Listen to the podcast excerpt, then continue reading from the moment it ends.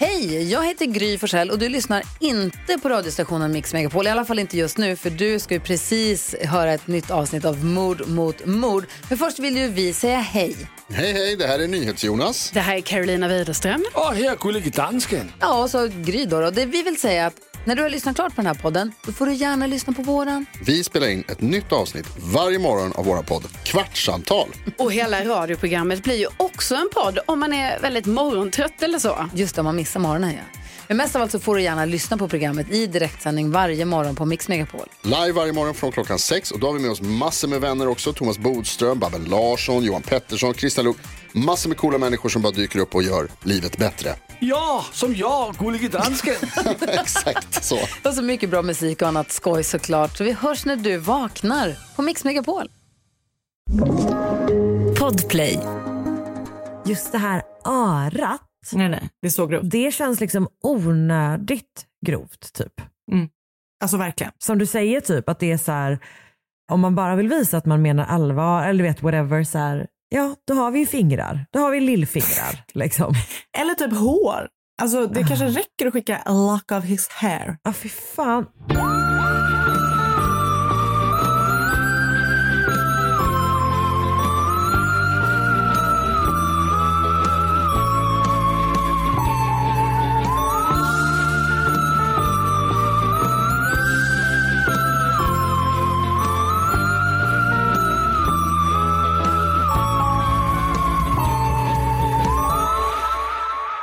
Anna.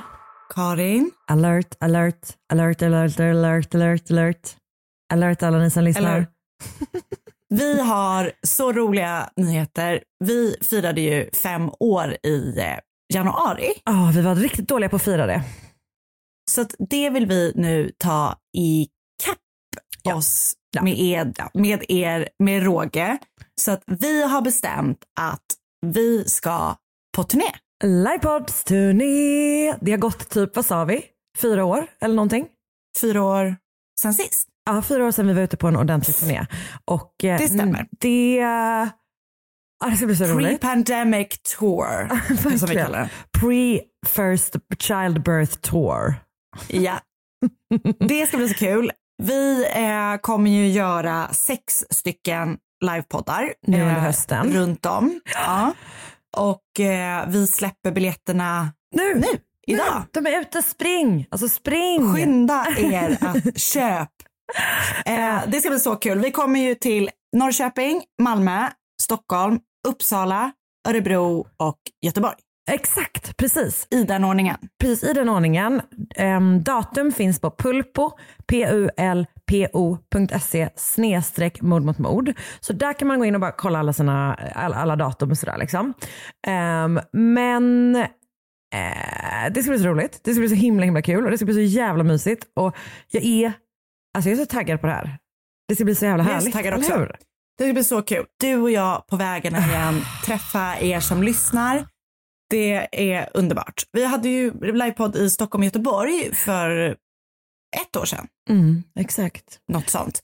Nu kommer vi köra lite mindre, så att, eh, lite mindre platser på, eller vad man ska säga, lite mindre venues på alla Exakt. ställen. Så det är liksom löp och köp så att eh, ni verkligen hinner få en biljett. Exakt, precis. Nej, men, exakt. Och vi känner, det känns som att vi vill ha typ det här lite så, så som vi själva tycker typ att våran podd känns. Eller hur? Vår Nära, podd är ju närheten. inte riktigt teater. det kan vi ju vara ärliga med. Vad menar du? Nej, men vi, precis, vi vill ju ha er med oss, nära oss. Det ska vara intimt, Alltså nästan för intimt tycker vissa. svettigt. inte vi. Nej, men det blir så kul. Och det som är lite speciellt den här gången också är att vi kommer, vi släpper biljetter som vanligt. Ja. Och sen kommer vi släppa, av de biljetterna kommer en del vara liksom öronmärkta för studenter. Ja, exakt. Och det är först till kvarn på dem. Så om eh, alla har liksom anledning att eh, rusa in och eh, eh, kolla. Eh, för som sagt, det är mindre ställen. Det kommer springa på. Men om man är då student så har man kanske ytterligare lite anledning. Och vi kommer ju liksom...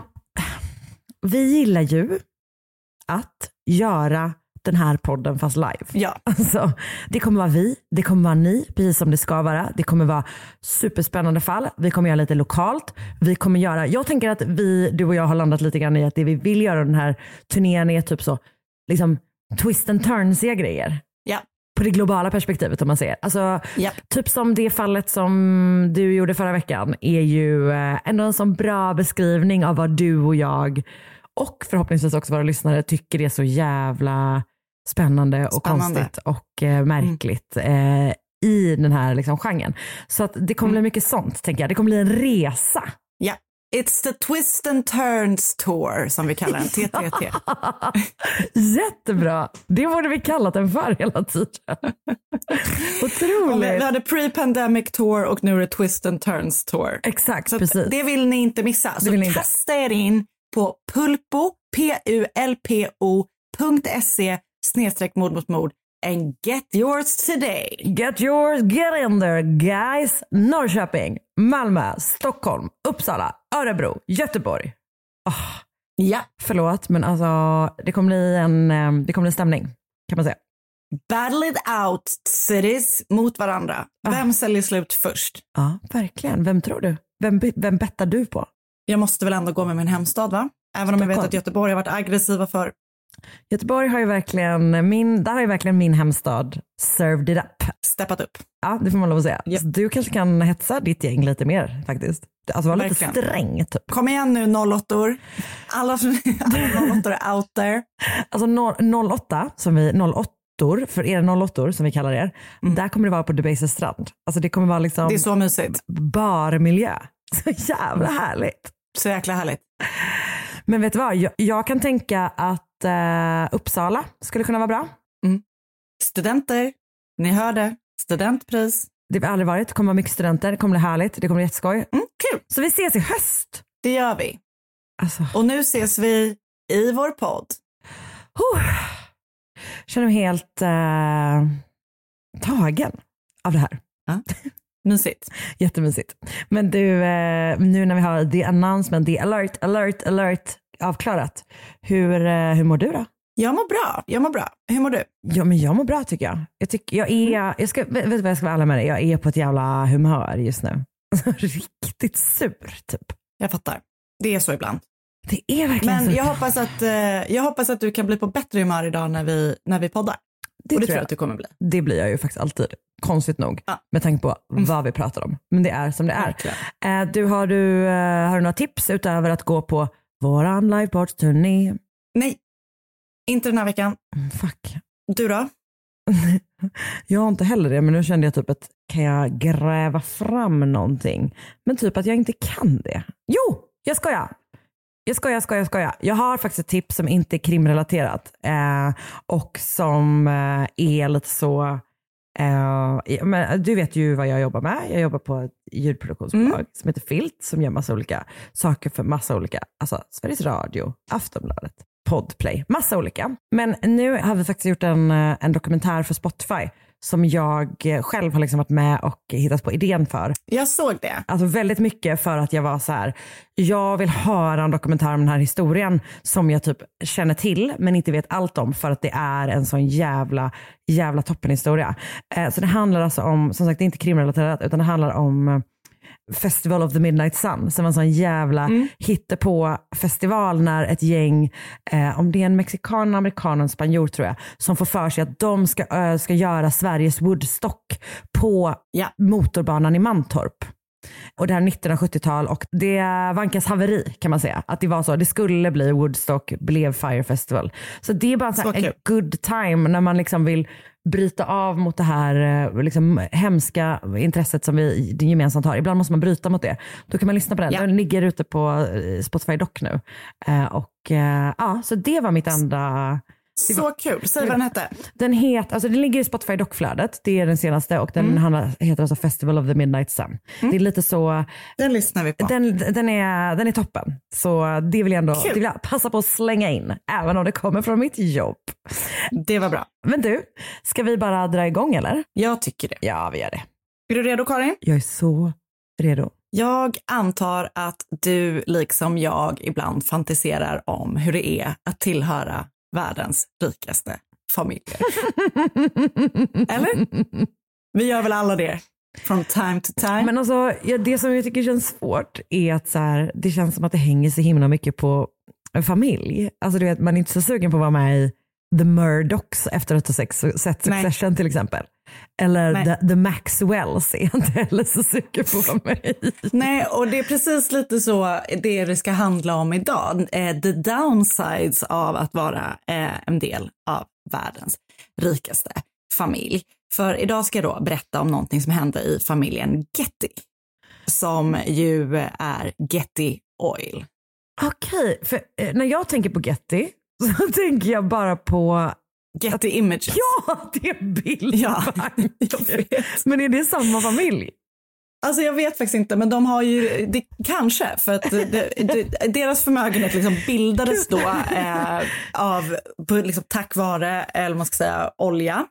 Eh, du vet, de hittade något sånt fält som kunde utvinna hur mycket olja som Ja. helst och sen så var liksom förfäderna här jättebra. Men de har också John Paul Getty då som är liksom the ancestor, eller han Ah. som gjorde typ att det verkligen exploderade. Han har också startat vet, Getty Museum och du vet, han var Just liksom det. sådär. Men en riktigt snål jävel var den här Ah. John Paul Getty då som eh, grundade Getty Oil och eh, liksom, ja, la grunden för förmögenheten. Han hade turen att vara sådär eh, oljepengar som liksom inte... Ja. Han tydligen stod på ett fält Ah. och stod och var så här, jag har en känsla av att det här är bra. Och sen så var det typ det mest oljetäta platsen. Alltså du vet, att det var så här, de kunde utvinna 30 tunnor i timmen, vilket typ inte säger mig någonting, men det är typ en helt sjuk Det låter olja. typ lite på något sätt. Ja, Eller men det jag tror bara- att det är mycket. Ja, Eller det, var mycket i alla fall. Eh, Men och det, jag tänker typ att det är just den här turen att råka vara både känna olja i fötterna och vara supersnål. Alltså då är man ju about to be rich as hell. Jajamän. Ja. Ett poddtips från Podplay. I podden Något Kaiko garanterar östgötarna Brutti och jag, Davva, dig en stor dos skratt. Där följer jag pladask för köttätandet igen. Man är lite som en jävla vampyr. Man har fått lite blodsmak och då måste man ha mer. Udda spaningar, fängslande anekdoter och en och annan arg rant. Jag måste ha mitt kaffe på morgonen för annars är jag ingen trevlig människa. Då är du ingen trevlig människa, punkt. Något Kaiko, hör du på Podplay. Därför är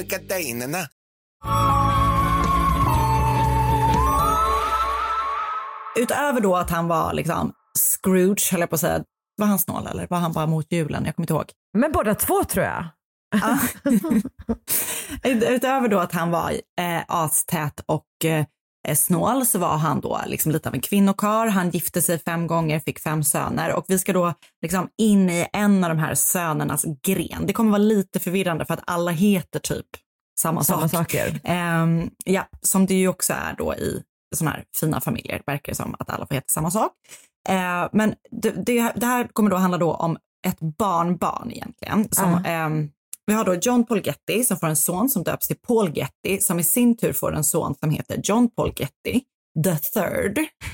Eh, och det är om den här John Paul Getty the third som det ska eh, Okej, handla om idag. och då kan jag säga till dig att ja, det är ju samma Getty-familj. Det är Alltså, det. Images and Images. oils. Ja. Ja, mm. Ja, bra.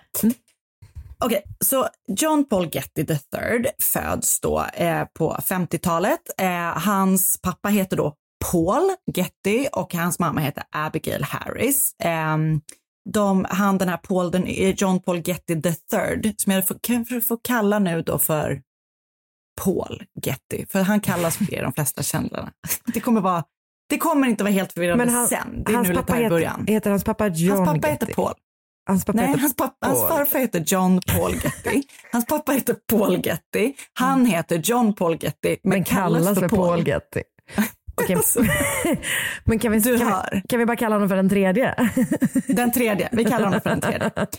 Den tredje föds i Minnesota i USA. Men när pappan då, Paul, få- fick ansvar för liksom familjeföretagets italienska filial så flyttade hela familjen till Rom. Eh, mamman och pappan, Abigail och Paul, skilde sig 1964. Och då var båda två kvar liksom i Rom. Men när pappa, Pauls nya fru, avled 1971 av en överdos så flyttade han till London.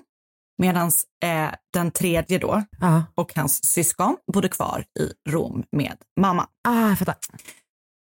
Och hans mamma då, Abigail Harris, eh, som kom liksom, och hon kom också från en amerikansk överklassfamilj, eh, levde ett helt typ ganska vanligt liv i Rom. Det var inte alls så lyx och flärdigt eh, som man kanske skulle tänka sig.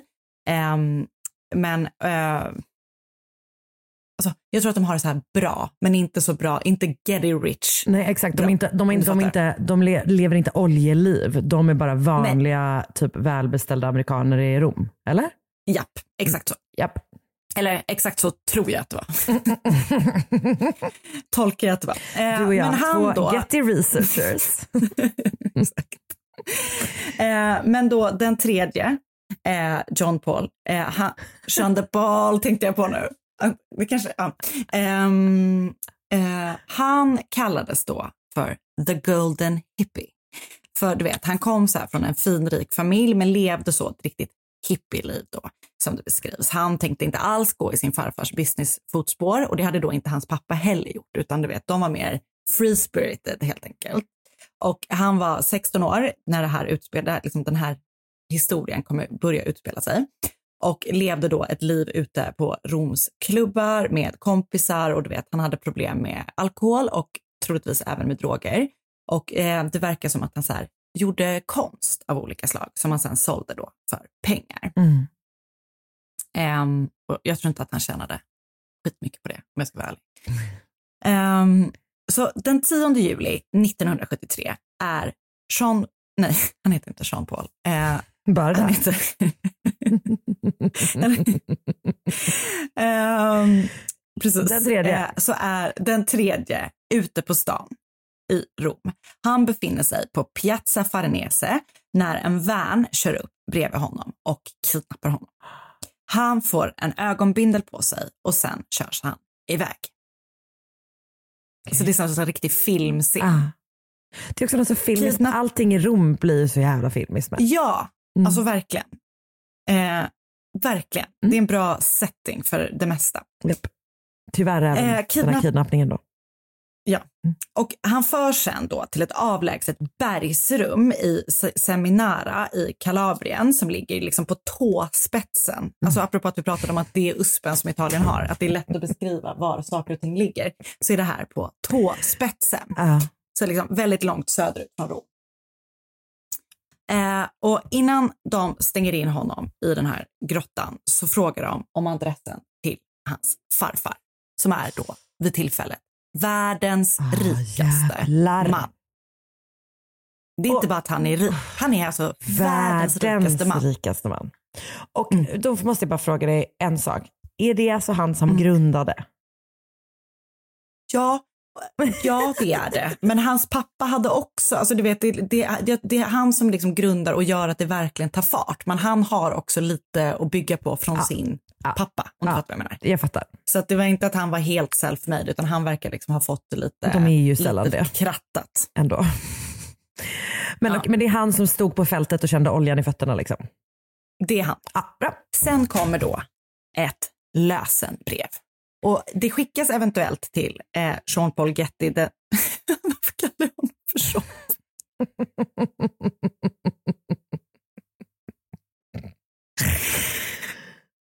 Det skickas till JPG den äldre antagligen, men det kommer också ett till hans mamma.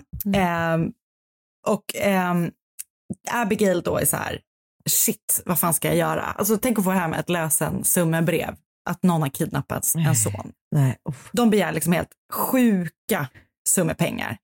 De vill ha 17 miljoner dollar, vilket idag skulle vara 117 miljoner dollar. Så det är liksom ingen oansenlig summa. Så Abigail är bara så här, what the actual fuck ska jag göra? Jag måste ringa till min före detta svärfar och fråga om han kan hosta upp pengar. Japp.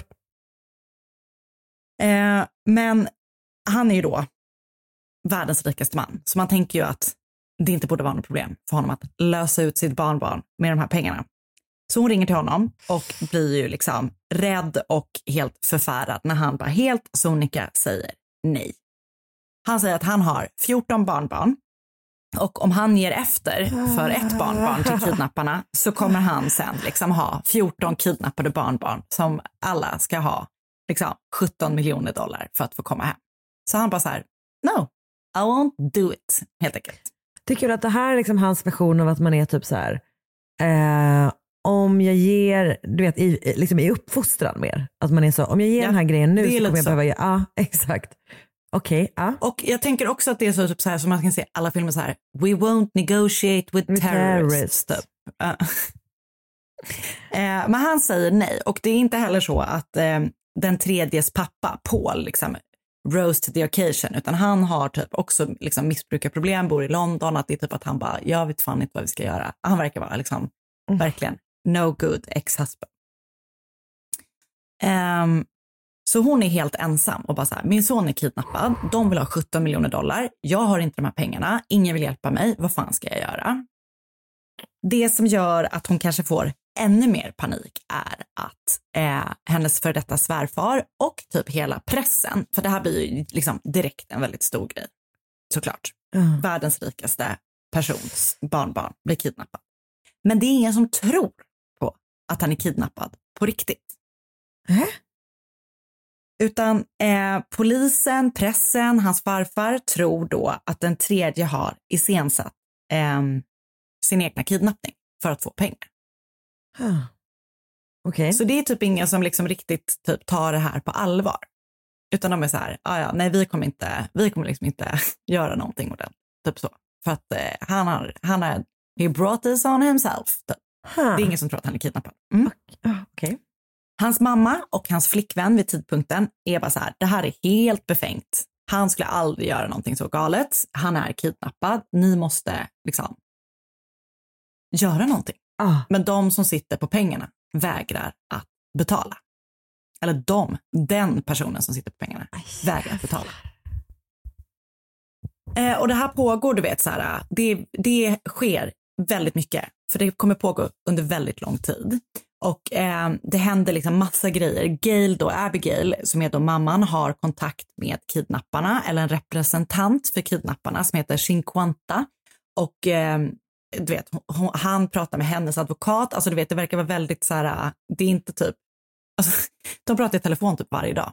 Och han Cinquanta är så här, varför kan ni inte betala? Typ så här, du, det är hans barnbarn. Vad menar du med att han inte ska betala? Han är ju den rikaste personen i hela världen. Alltså du vet att de, kidnapparna är bara så här, vad är grejen? De tror att de har liksom ett vattentätt case och sen så stöter de på världens mest envisa, snålaste gubbe. Man, ja, man hade ju blivit så förvånad ändå. Att man bara, ah nej han, eh, han bara skiter i faktiskt. Ja, alltså det, det är inte vad de har tänkt sig. Och, eh, men trots då att de inte får eh, pengarna så försäkrar de Abigail om att det är hennes son, liksom, trots omständigheterna, har det bra. Eh, de har som sagt väldigt så här, tät kontakt och det är någon gång vid, liksom, under tiden som han är borta som den tredje blir sjuk och då ringer kid, kidnapparna till eh, mamman och frågar henne typ så här, eh, vad tror du att vi ska göra typ, för att ta hand om din son när han är sjuk? Typ. Alltså, de, så de är liksom inte, de är liksom inte, alltså de är kidnappare men de verkar ändå liksom typ behandla honom helt okej. Alltså det skulle Han jag har tydligen säga, fått så här prosecco, lyssna på musik. Alltså du vet att det är så så här, trevligt nere på tåspetsen. Ja. Alltså, men också det här att de ringer och frågar hans mamma vad de ska göra när han är sjuk tänker jag tyder på, alltså nu säger jag absolut inte att det är så för jag vet inte. Men om det skulle vara så att, att han faktiskt är inblandad skulle jag säga att det är ett starkt bevis på det. Du vet för att när man blir sjuk så är man typ ändå att man bara "Ring min mamma." Jag måste ringa min mamma. 100 procent, absolut. Och om man är som min mamma så kommer, man bara svara, kommer hon bara svara att man ska gurgla med saltvatten. Det hjälper fan allt. Eller som om man frågar min styvmamma, Ja. då ska man ta en typ shot av någon stark sprit och det hjälper det. mot allt. Toppen. Eh, och eh, den här Cinquanta då som Abigail har tät kontakt med alltså, har berättat någon gång du vet för henne att så här, nej men vi har liksom familj och eh, det här är bara ett jobb som något annat. Alltså du vet, de verkar liksom så här, de är typ helt vanliga människor, verkar det som då, som har kidnappat honom. Okej. Opportunister.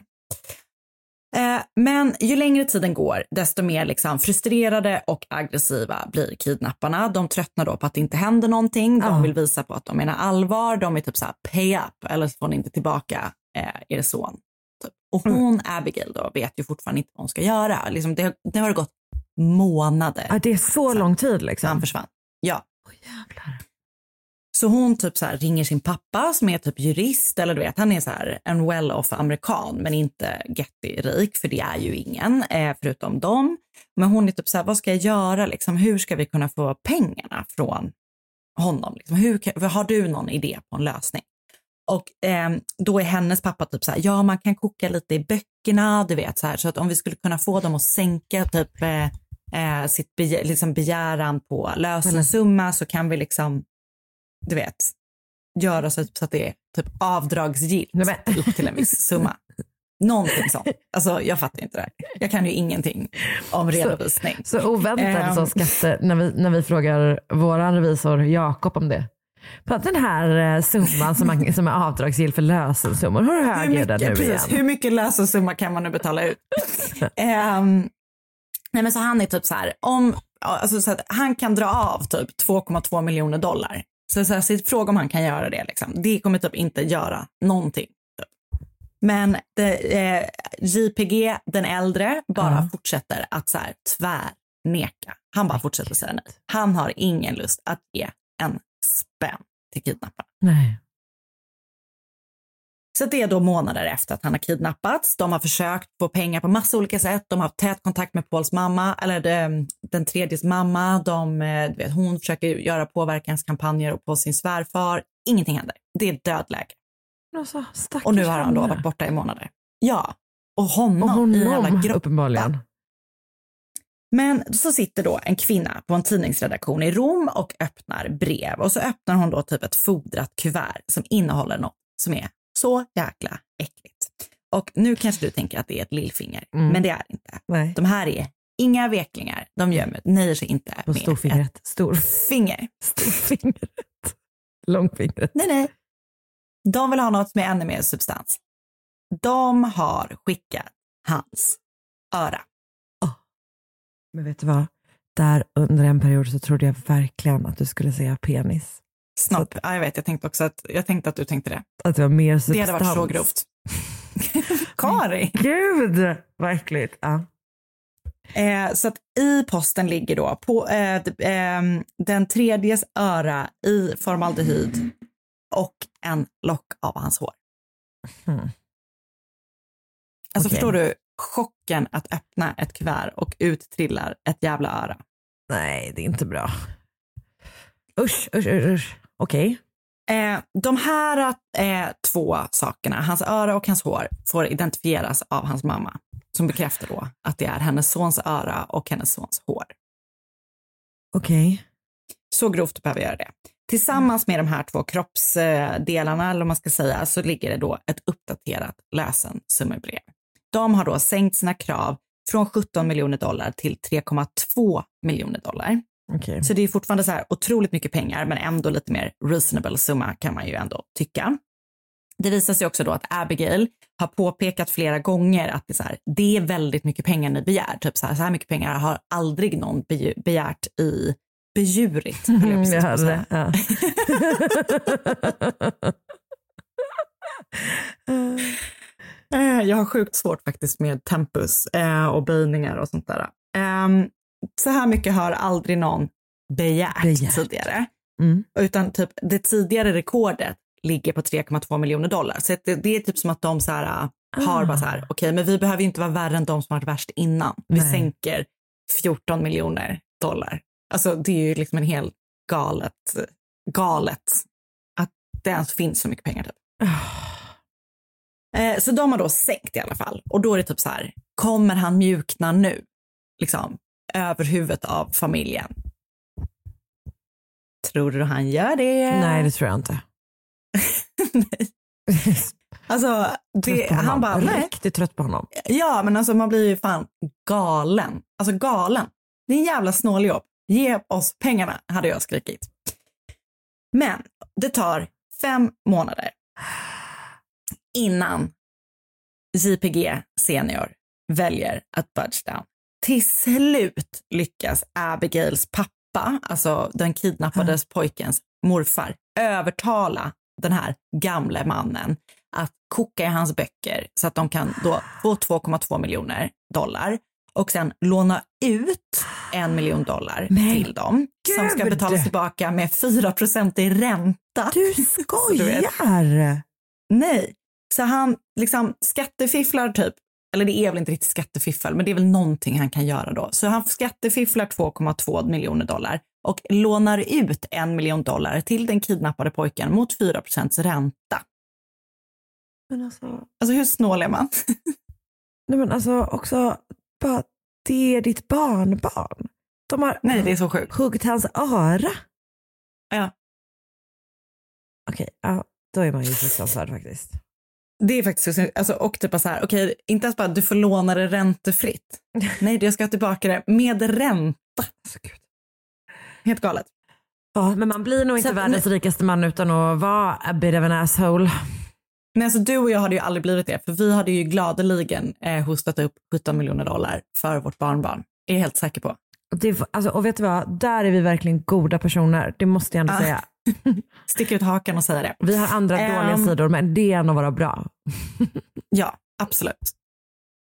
Eh, men så ett byte arrangeras då den 15 december 1973. Han kidnappas alltså den 10 juli och det här är då den 15 december. Så han har alltså varit borta i hela fem månader. Alltså det är så lång tid. Så den tredje ska då switchas mot 3,2 miljoner dollar. Hur bytet exakt går till vet jag inte, men han då lämnas av, du vet, någonstans in, ute in the middle of nowhere, lyckas få kontakt med en lastbil som tar honom till en bensinmack eh, där nere också på tåspetsen. Och där kan han då återförenas med sin mamma. Och alla är ju skitglada att han äntligen är tillbaka. Eller alla vet jag inte, men hans mamma är ju det i alla fall. Hans farfar verkar inte bry sig så mycket och inte hans pappa heller. Ehm, men alla är, ja men det är så grovt. Och han är liksom illa däran. För även om han då liksom har eh, fått dricka prosecco och typ så här, lyssna på musik. Alltså han har liksom haft det helt okej. Så har hans, den här, alltså det här faktum att, att de har skurit av hans öra eh, har ju liksom inte varit så bra för honom. För att såret är då väldigt infekterat. Och kidnapparna har typ så här proppat honom full med antibiotika och whisky bara för att typ så här, att han inte ska liksom stryka med. Typ. Men han är ju liksom sjukt medfaren helt enkelt. Så han får ju liksom lägga sig i, alltså du vet, och han är väl också helt jävla skärrad av hela Eh, situationen. Inte bara att han liksom är fysiskt, eh, liksom fysiskt eh, Påverkad. misshandlad, utan han är, ja exakt. Eh, när han väl är hemma då och återhämtat sig så sägs det att han då eh, försöker ringa till sin farfar för att tacka för eh, att han till slut liksom gav med sig. Eh, men att då hans farfar enligt då utsago inte svarade på hans samtal eller tog emot hans tacksamhet. Så grovt. Fan. Det, Eh, han berättar att hans kidnappare då har behandlat honom till liksom allra största del med respekt under hela den här tiden i fångenskap. Eh, han berättar att han inte har sett dem, eh, hur de ser ut. De har varit väldigt måna med att behålla masker på och prata så lite som möjligt i hans närhet. Eh, och det är väl troligtvis då för att de har planerat hela tiden att släppa honom, men att han då inte ska kunna identifiera eh, dem när han väl släpps. Ah. Eh, trots det då så lyckas polisen eh, lokalisera nio personer som ska ha varit involverade i kidnappningen. Det var troligtvis många fler för att eftersom det tog så lång tid så var det typ vissa som tröttnade på att typ så här, bara, nej, alltså det här är fan inte värt det. Typ att jag ska vänta på en del av de här 17 miljonerna om det är så här jobbigt. Nej. Så att det verkar som att de, var liksom, att de vet, skiftat ut gruppen eh, under tiden som han har suttit i fångenskap. Eh, bland de här nio som greps då så var det främst typ helt vanliga människor. Någon typ var blomhandlare, någon gjorde olivolja, en var snickare och sådär. Men det var ju också människor då som påstods... italienare being Italian. Verkligen. Och det är då vissa som i alla fall påstås eh, ha liksom tillhört maffian. Eh, så. Eh, trots då att man hittar nio män så är det bara två stycken som döms för det finns då inte tillräckligt mycket bevis för att döma eh, allihopa. Eh, så han är i alla fall fri och du vet så här, helt antagligen supertraumatiserad av den här kidnappningen. Efter att han har släppts så gifter han sig med sin flickvän eh, Gisela Martin Sacher. Eh, han är då 18 år gammal och de får en son som, han döp, eller som döps till Baltasar. Eh, han har typ så hankat sig fram efter kidnappningen. Han var typ lite med i lite olika filmer. Du vet, Han levde så här ett så kallat artistiskt liv. Eh, du vet, när han bodde i New York så umgicks han till exempel med Andy Warhol. Eh, och Paul, som redan innan han kidnappades hade problem med både alkohol och droger, eh, fick inte mindre problem efter kidnappningen. Eh, han levde ett extremt hårt liv där han missbrukade då både alkohol och många olika droger. Och någon gång under 1981, alltså ungefär åtta år då efter eh, han släpptes fri från sin kidnappning eh, och han är då typ 25 år gammal, så blandar han massa olika droger, typ så här receptbelagd medicin, receptfritt, kanske gatuknark eller vad man vill kalla det, och alkohol, alltså någon sån här cocktail typ. Och den här dosen då av olika substanser eh, ledde till att han fick en stroke som sen då ledde till att hans lever typ la av. Så sjukt hemskt. Han återhämtade sig aldrig från den här stroken utan blev förlamad och satt resten av sitt liv i rullstol. Eh, utöver det så blev han också blind på ena ögat och förlorade förmågan att tala. Eh, så jäkla hemskt. 2001, när han då var 54 år gammal, så avled han efter att ha varit sjuk eh, under en längre period. Eh, den här stroken då han fick 1981 ledde till, alltså han blev typ väldigt sjuklig och skrupplig efter Mm. den. Ehm, och det verkar som att här, alla följdsjukdomar och allting ledde då till hans död. Eh, det är fortfarande många som tror att Paul och eventuellt hans mamma, eller alltså nu kallade jag honom för Paul, nu fattar alla vem jag Ja, pratar om i ja, alla fall. Ehm, eventuellt hans mamma Abigail var de som initierade kidnappningen, eller vad man ska säga. Alltså du vet att de kom på typ så här, vi kan göra det här för att få pengar. Men att de ehm, tappade kontrollen när det väl hade skett. Alltså du vet att de trodde att det skulle ske enkelt och sen så blev det typ värsta grejen. Vad är det folk menar tyder på det? Ja, men det finns väldigt typ så här, alltså dels så tror jag att det är någon, bara folk typ tror det för att de behövde pengar och att de då typ tänkte att det skulle vara enkelt. Alltså att folk bara typ tror att det är det, alltså att de är sådana personer som skulle komma på en sån galen idé. Jag vet inte om det finns liksom någon grund för det. En sak som en person har vittnat om, vilket känns väldigt svagt som liksom något slags bevis för det, är att Paul, eller alltså den, den tredje då, eh, hade sett en film flera gånger, liksom typ några veckor innan han kidnappades, om någon som fejkade sin kidnappning för att få liksom, ut pengar. Men det finns liksom inget, alltså, som jag förstår det, det finns liksom inga faktiska bevis som tyder på det. Det skulle väl vara då typ att han inte blev mördad när de inte fick pengarna, att de höll ut i fem månader. Och Fast, fast det är också Men- den grejen som är så här, om de mördar honom så får de absolut inte pengarna och istället så står de med ett mord på sina händer typ. Så varför skulle, alltså, Exakt. det finns inget, in, Nej, nej, nej. inget incitament för dem att mörda dem heller. Och det är också typ så här, Nej. om man då liksom skulle tänka sig att de hade hittat på den här skiten själva, även om de hade tappat kontrollen eller sådär. Just det här örat, Nej, nej, det, så känns liksom onödigt grovt typ. Mm. Som du Alltså, säger verkligen. typ att det är så här, eh, om man bara vill visa att man menar allvar eller vet whatever så här, ja då har vi ju fingrar, då har vi lillfingrar liksom. Eller typ hår. Alltså det kanske räcker att skicka a lock of his hair. Ja, Jag vet inte. fan. Jag tycker det känns så hemskt då liksom att så här, Jo men också Ja, typ att han- tänk att gått igenom det som mamma och att hela världen typ tror det här om dig och att du faktiskt har en så här Eh, vem vet typ hur vad som hade hänt om de faktiskt typ hade förhandlat med eh, kidnapparna tidigare och hans Mm. eh, farfar faktiskt hade betalat pengarna mycket tidigare och han inte hade behövt Ja. sitta där i fem månader och förlora sitt öra. Och alltså du vet alla de sakerna, hans liv kanske hade sett helt annorlunda ut. Vem vet? antagligen. Oh, Eh, de själva har ju liksom ständigt förnekat det såklart och det finns som sagt inga liksom, konkreta bevis för att så skulle vara fallet. Men så sjukt hemskt. Jag tänker gå runt och veta typ att så här, eh, ens typ pappa, men framförallt farfar, kunde rädda en och typ valde att inte göra och det. sket i det. Ja, Alltså, nej, helt det är galet. fruktansvärt. Mm. Stackars, Vidrigt. stackars honom. Så det var kidnappningen av John Paul Getty III.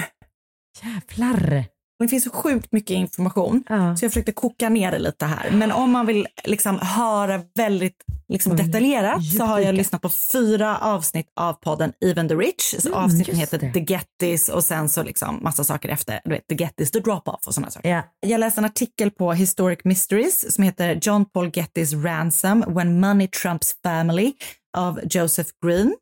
Ett gäng olika Wikipedia-sidor, en artikel på Svensk Dams hemsida som heter Familjens förmögenhet blev hans fall. Eh, John Paul Getty III avled i helgen av Agneta Nisbet. En artikel på Vanity Fair med rubriken The Enigma of J. Paul Getty, the one time richest man in the world av Julie Miller. Och den här händelsen har också filmatiserats och filmen heter All the money in the world och det är massa kändisar i den. Jag har tyvärr inte sett den, men den kanske kan vara sevärd ändå. Vem vet? Vem vet? Men du, tack så jättemycket. Det där var... Tack själv. Oh. Speciellt. Ja, det var verkligen speciellt. Fan alltså. Den här veckan ska jag berätta om en eh, liksom superklassisk svensk kriminalhistoria som jag hade en lite annan bild av än vad det visade sig vara kan man säga. Jag har nämligen alltid känt mig sjukt ointresserad av det här och sen så läste jag på lite grann och så kände jag, hmm, men här finns ju ändå saker. Liksom. Något. Precis, och jag ska då prata om Salaligan.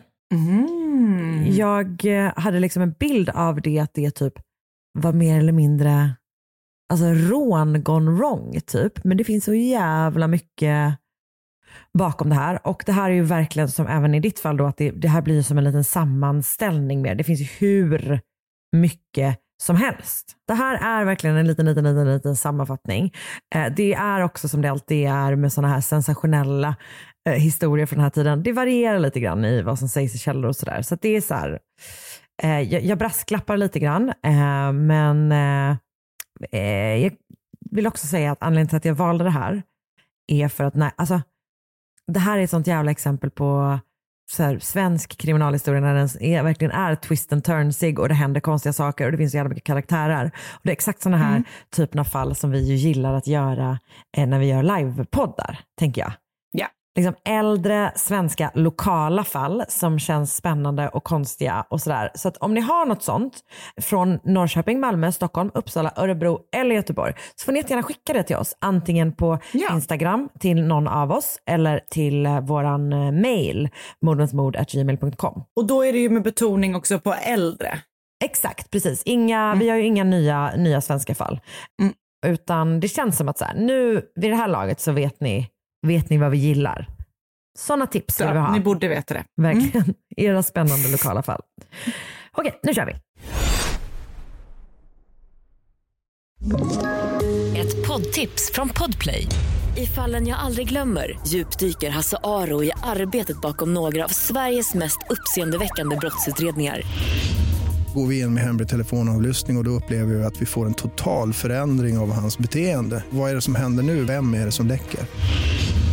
Och så säger han att jag är kriminell, jag har varit kriminell i hela mitt liv men att mörda ett barn, där går min gräns.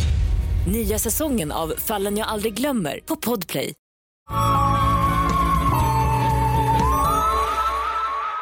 Det är mitten av november 1930 och en predikant cyklar över Sörbyån strax utanför Sala, drygt fyra mil norr om Västerås.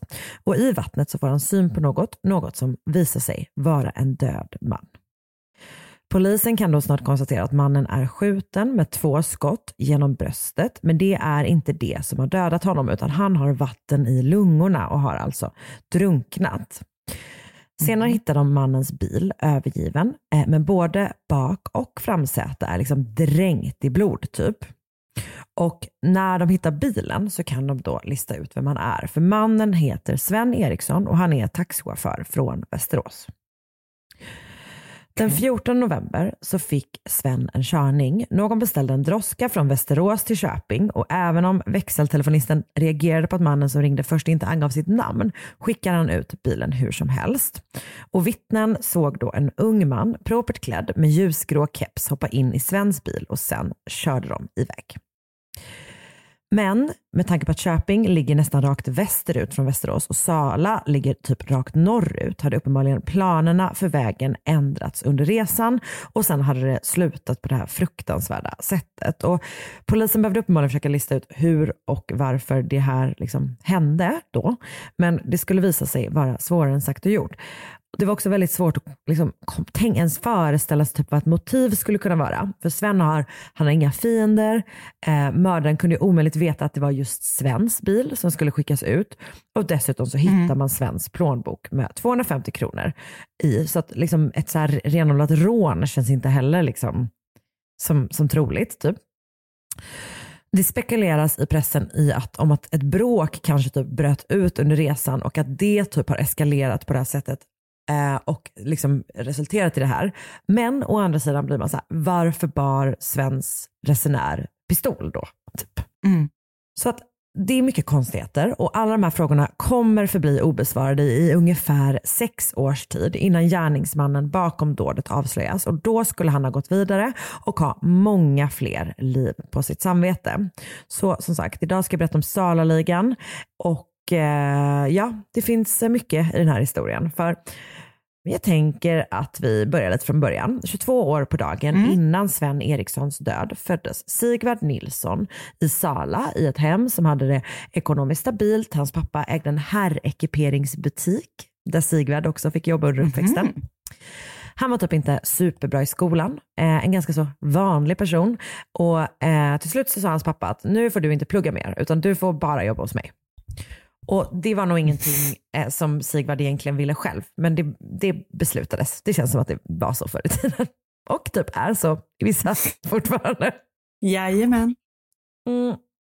Men Sigvard skulle fortsätta någon slags studier på egen hand kan man säga. För i mitten av tonåren så träffar Sigvard en magisk dansk. En magisk dansk? Ja. Vad betyder det? En magisk dansk. En dansk person som är En magisk? dansk person, ja. Det lät konstigt. Nej, nej, okej vänta jag har inte skrivit så, jag har skrivit en magisk dansk man. Det blev lite mer konstigt men det var fortfarande, så fortfarande konstigt även så lustigt fastän det är jag som har skrivit det.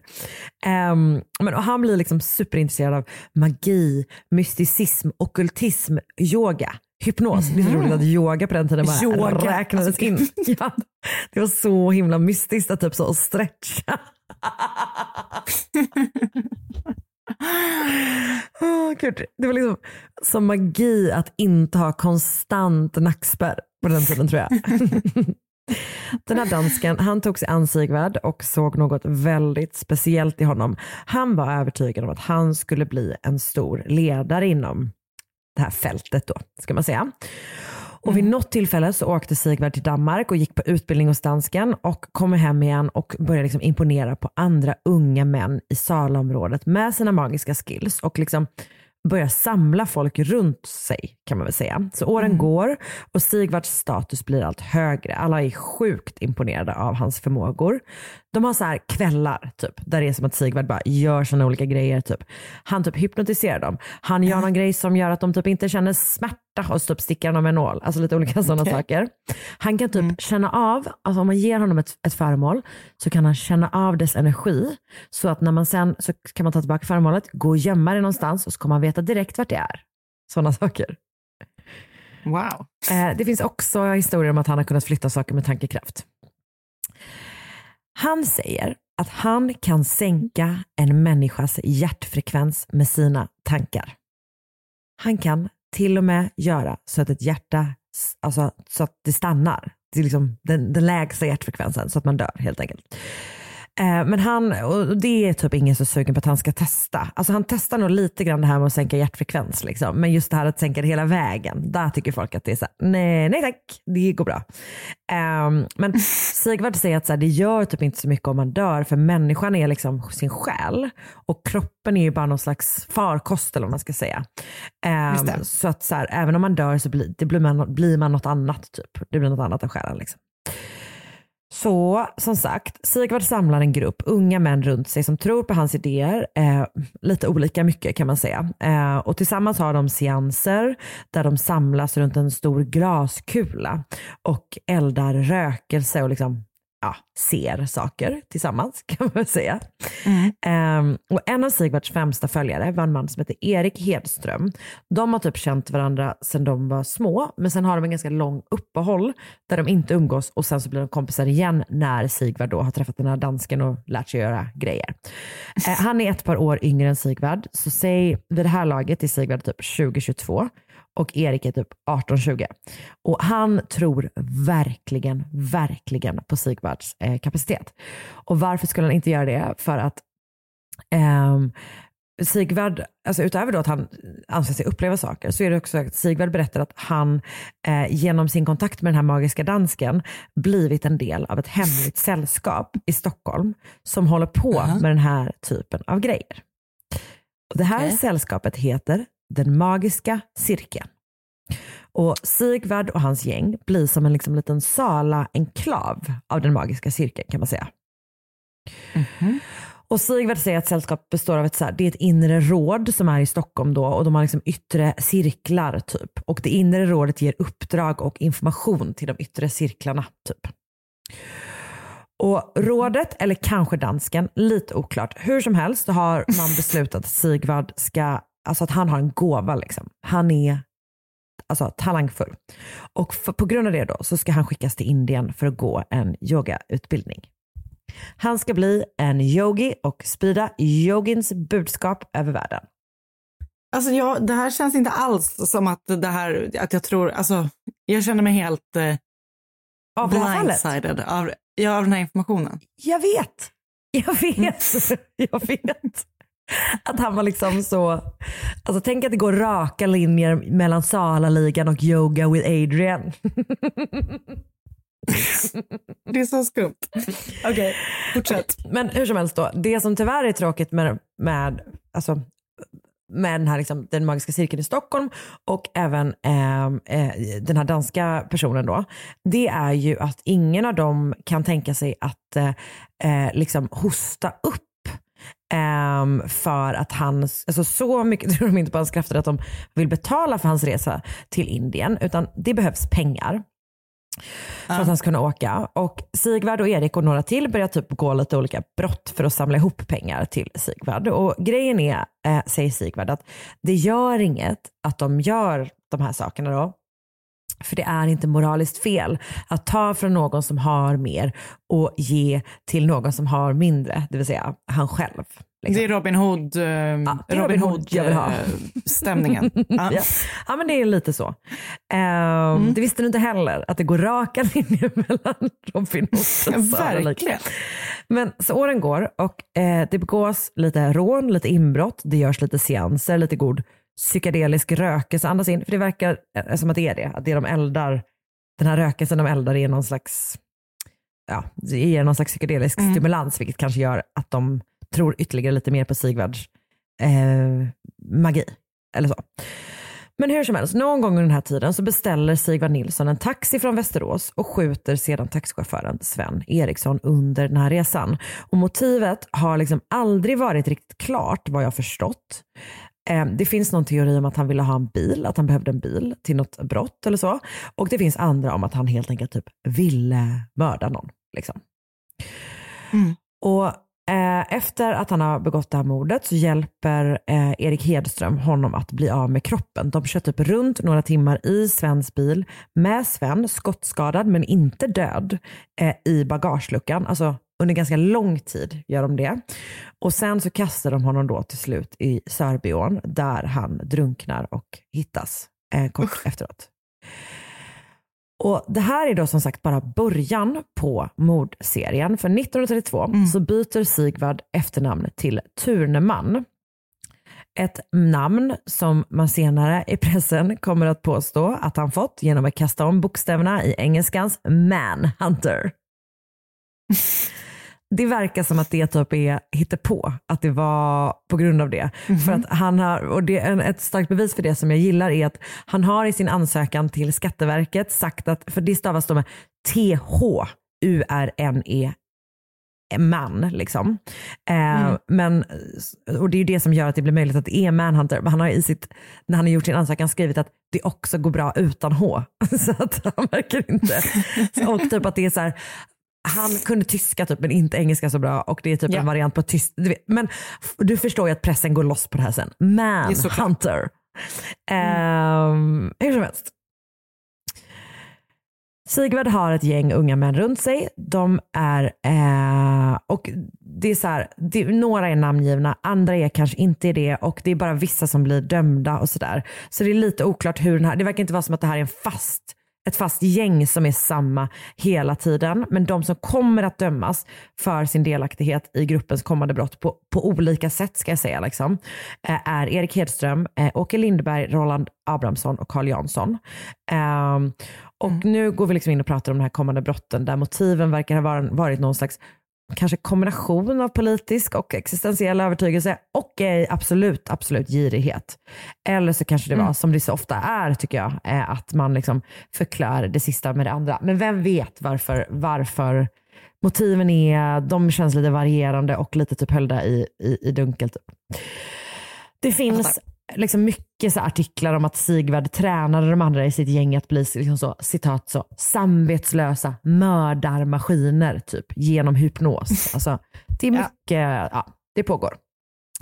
Tre år efter att Sven Eriksson mördades knackats, eh, knackade på Axel Kjellbergs sovrumsfönster i den stuga han bodde i medan han ledde ett vägarbete i Enåkers kommun. Det var mitt i natten mot den 5 september 1933 och i månljuset utanför stod två poliser med en gripen misstänkt mellan sig.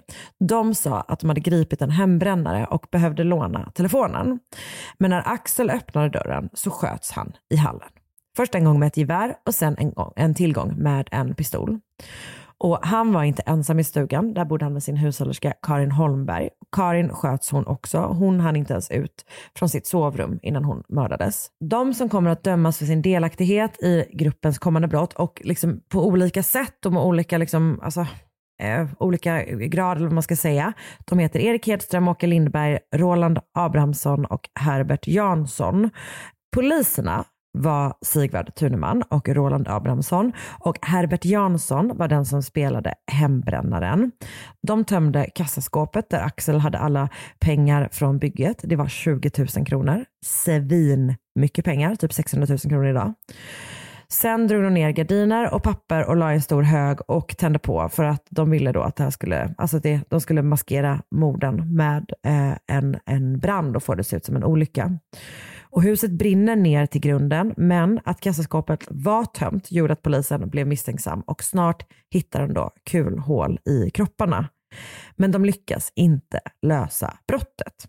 Tyvärr då, för ett år senare, i november 1934, kör några i ligan till en avlägsen stuga i Hällby, där Matilda Blomqvist bodde. Och hon var ensamstående pensionär, men gänget hade fått för sig att hon hade stora summor pengar hemma. Och då gör de det här. Det här är också ett ja, helt absurt sätt att gå tillväga. De borrar ett hål i väggen till hennes stuga. Sen sätter de in en slang i det hålet och sen fäster de slangen vid bilens avgasrör och drar igång motorn. Men fy. Och sen fick den liksom stå på där medan stugan liksom fylldes av gas. Förstår liksom inte riktigt ens. Ja, Jag vet inte, det är så jävla, jävla, alltså både fruktansvärt och extremt märkligt. Men det känns som att Mm. sådana här människor alltid försöker du vet, hitta olika sätt att begå det perfekta brottet. Typ. Ah.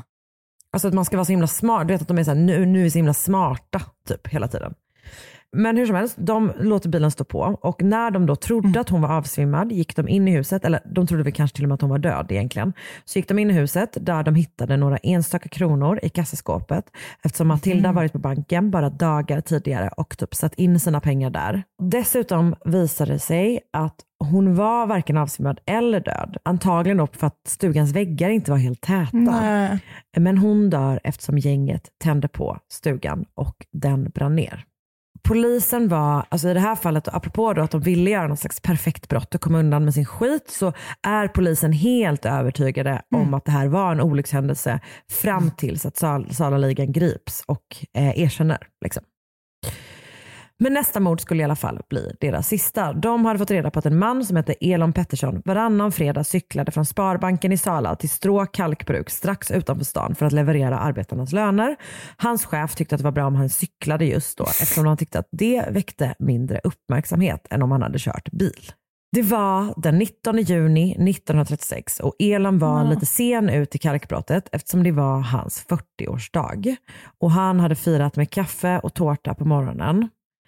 Men till slut så kom han då cyklande och eh, körde då mot en bil som stod parkerad ut med vägen. Och han visste förstås inte det, men i bilen, som Salaligan stulit i Stockholm dagen innan, satt några av gruppens medlemmar, däribland Sigvard, iförda så här, du vet, pilot, eh, Ja, ja, Mm. alltså pilotmössor. Sådana liksom flygar, alltså stridspilotmössor typ. Ja, Inte, liksom, inte sådana som de har på ditt jobb, utan ja. liksom, mm. och även sådana glasögon om du tänker. Ehm, så de är liksom maskerade men i det. Ja, så. Och när Elon då kommer cyklandes så öppnar de dörrarna och skjuter mot honom flera gånger. Han försöker fly men kommer inte undan. Och rånbytet var strax över 20 000 kronor även i det här fallet. Ehm, Elon sköts fem gånger och lyckades trots det krypa upp på vägen och få hjälp men han dog senare på sjukhuset. Nej.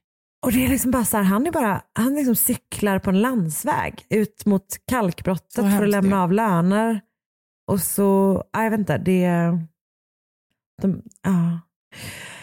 Här tar då Salaligans tur, eller vad man ska kalla det, slut. Det fanns ett vittne som på håll sett hur Elon mördades, men några dagar senare så tog också ett riktigt stjärnvittne kontakt med polisen. Han hette Åke Widlund och han hade själv blivit erbjuden att vara med om rånmordet på Elon. För han kände Erik Hedström, hade pratat med honom och Åke Lindberg och de hade typ rakt upp och ner alltså, frågat honom så här. Vill du vara, sjukt. vi har en bra Mm affärsmöjlighet, alltså lite så typ. Vill du vara med liksom? Allt man behöver göra är att döda någon typ.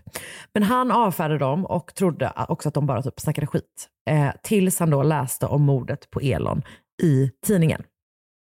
Så alla fem grips kort därefter. Sigvard, Erik, Åke, Roland och Herbert. Herbert. Och vad jag förstår så erkänner alla liksom, olika grejer de har varit inblandade i. Eh, och de erkänner då också saker som polisen inte har känt till. Även saker som de bara planerat att göra, pratar de om. Bland annat så berättar Sigvard att de hade tänkt spränga ett postkontor i Stockholm för att direkt efter råna en bank. Alltså att de, så här, sprängningen skulle vara en avledande manöver. Så för då skulle alla poliser gå dit, så skulle de istället gå till banken. Typ. Och han anses då väldigt snart vara ledaren för gruppen och visar också väldigt lite typ ånger i allmänhet. Han säger att han känner ånger för att Matilda Blomqvist levde då när de tände på sko- stugan. Och sen påstår han, det här är också en jättekonstig detalj, eller jättekonstig grej och jag vet- inte om den finns liksom jag vet, jag vet inte. Han påstår att han har hypnotiserat en, alltså en liten tjej, alltså en flicka, att bli prostituerad och att han har haft dåligt samvete för att han har lett henne i moraliskt förfall. I övrigt säger han typ att han inte, alltså han mår inte dåligt över det de har gjort liksom. Men den här inställningen han har då kommer att påverka hur han döms. För hans fyra följare och medhjälpare dömdes till livstids straff, straffarbete men släpps ut efter att ha suttit mellan sju och tio år. Och de är ju så här, ja men som sagt, de anses verkligen ha varit ledda av honom då. Men Sigvard ansågs inte tillräknelig eller motsvarande vid den tiden. Han ansågs helt enkelt vara psykiskt sjuk i vad som beskrevs som citat, fullständig moralisk känslolöshet. Så han döms då till vård liksom, och han sitter över 30 år på Säters sjukhus. 1969 kommer Sigvard, Sigvard Thunman ut. Då bytte han tillbaka till sitt gamla efternamn, bosatte sig i en Stockholmsförort och arbetade som översättare för han har typ pluggat jätte- jättemycket språk eh, under sin fängelsetid. Han dog 1979 och hans aska spreds i minneslunden vid Nya kyrkogården i Sala.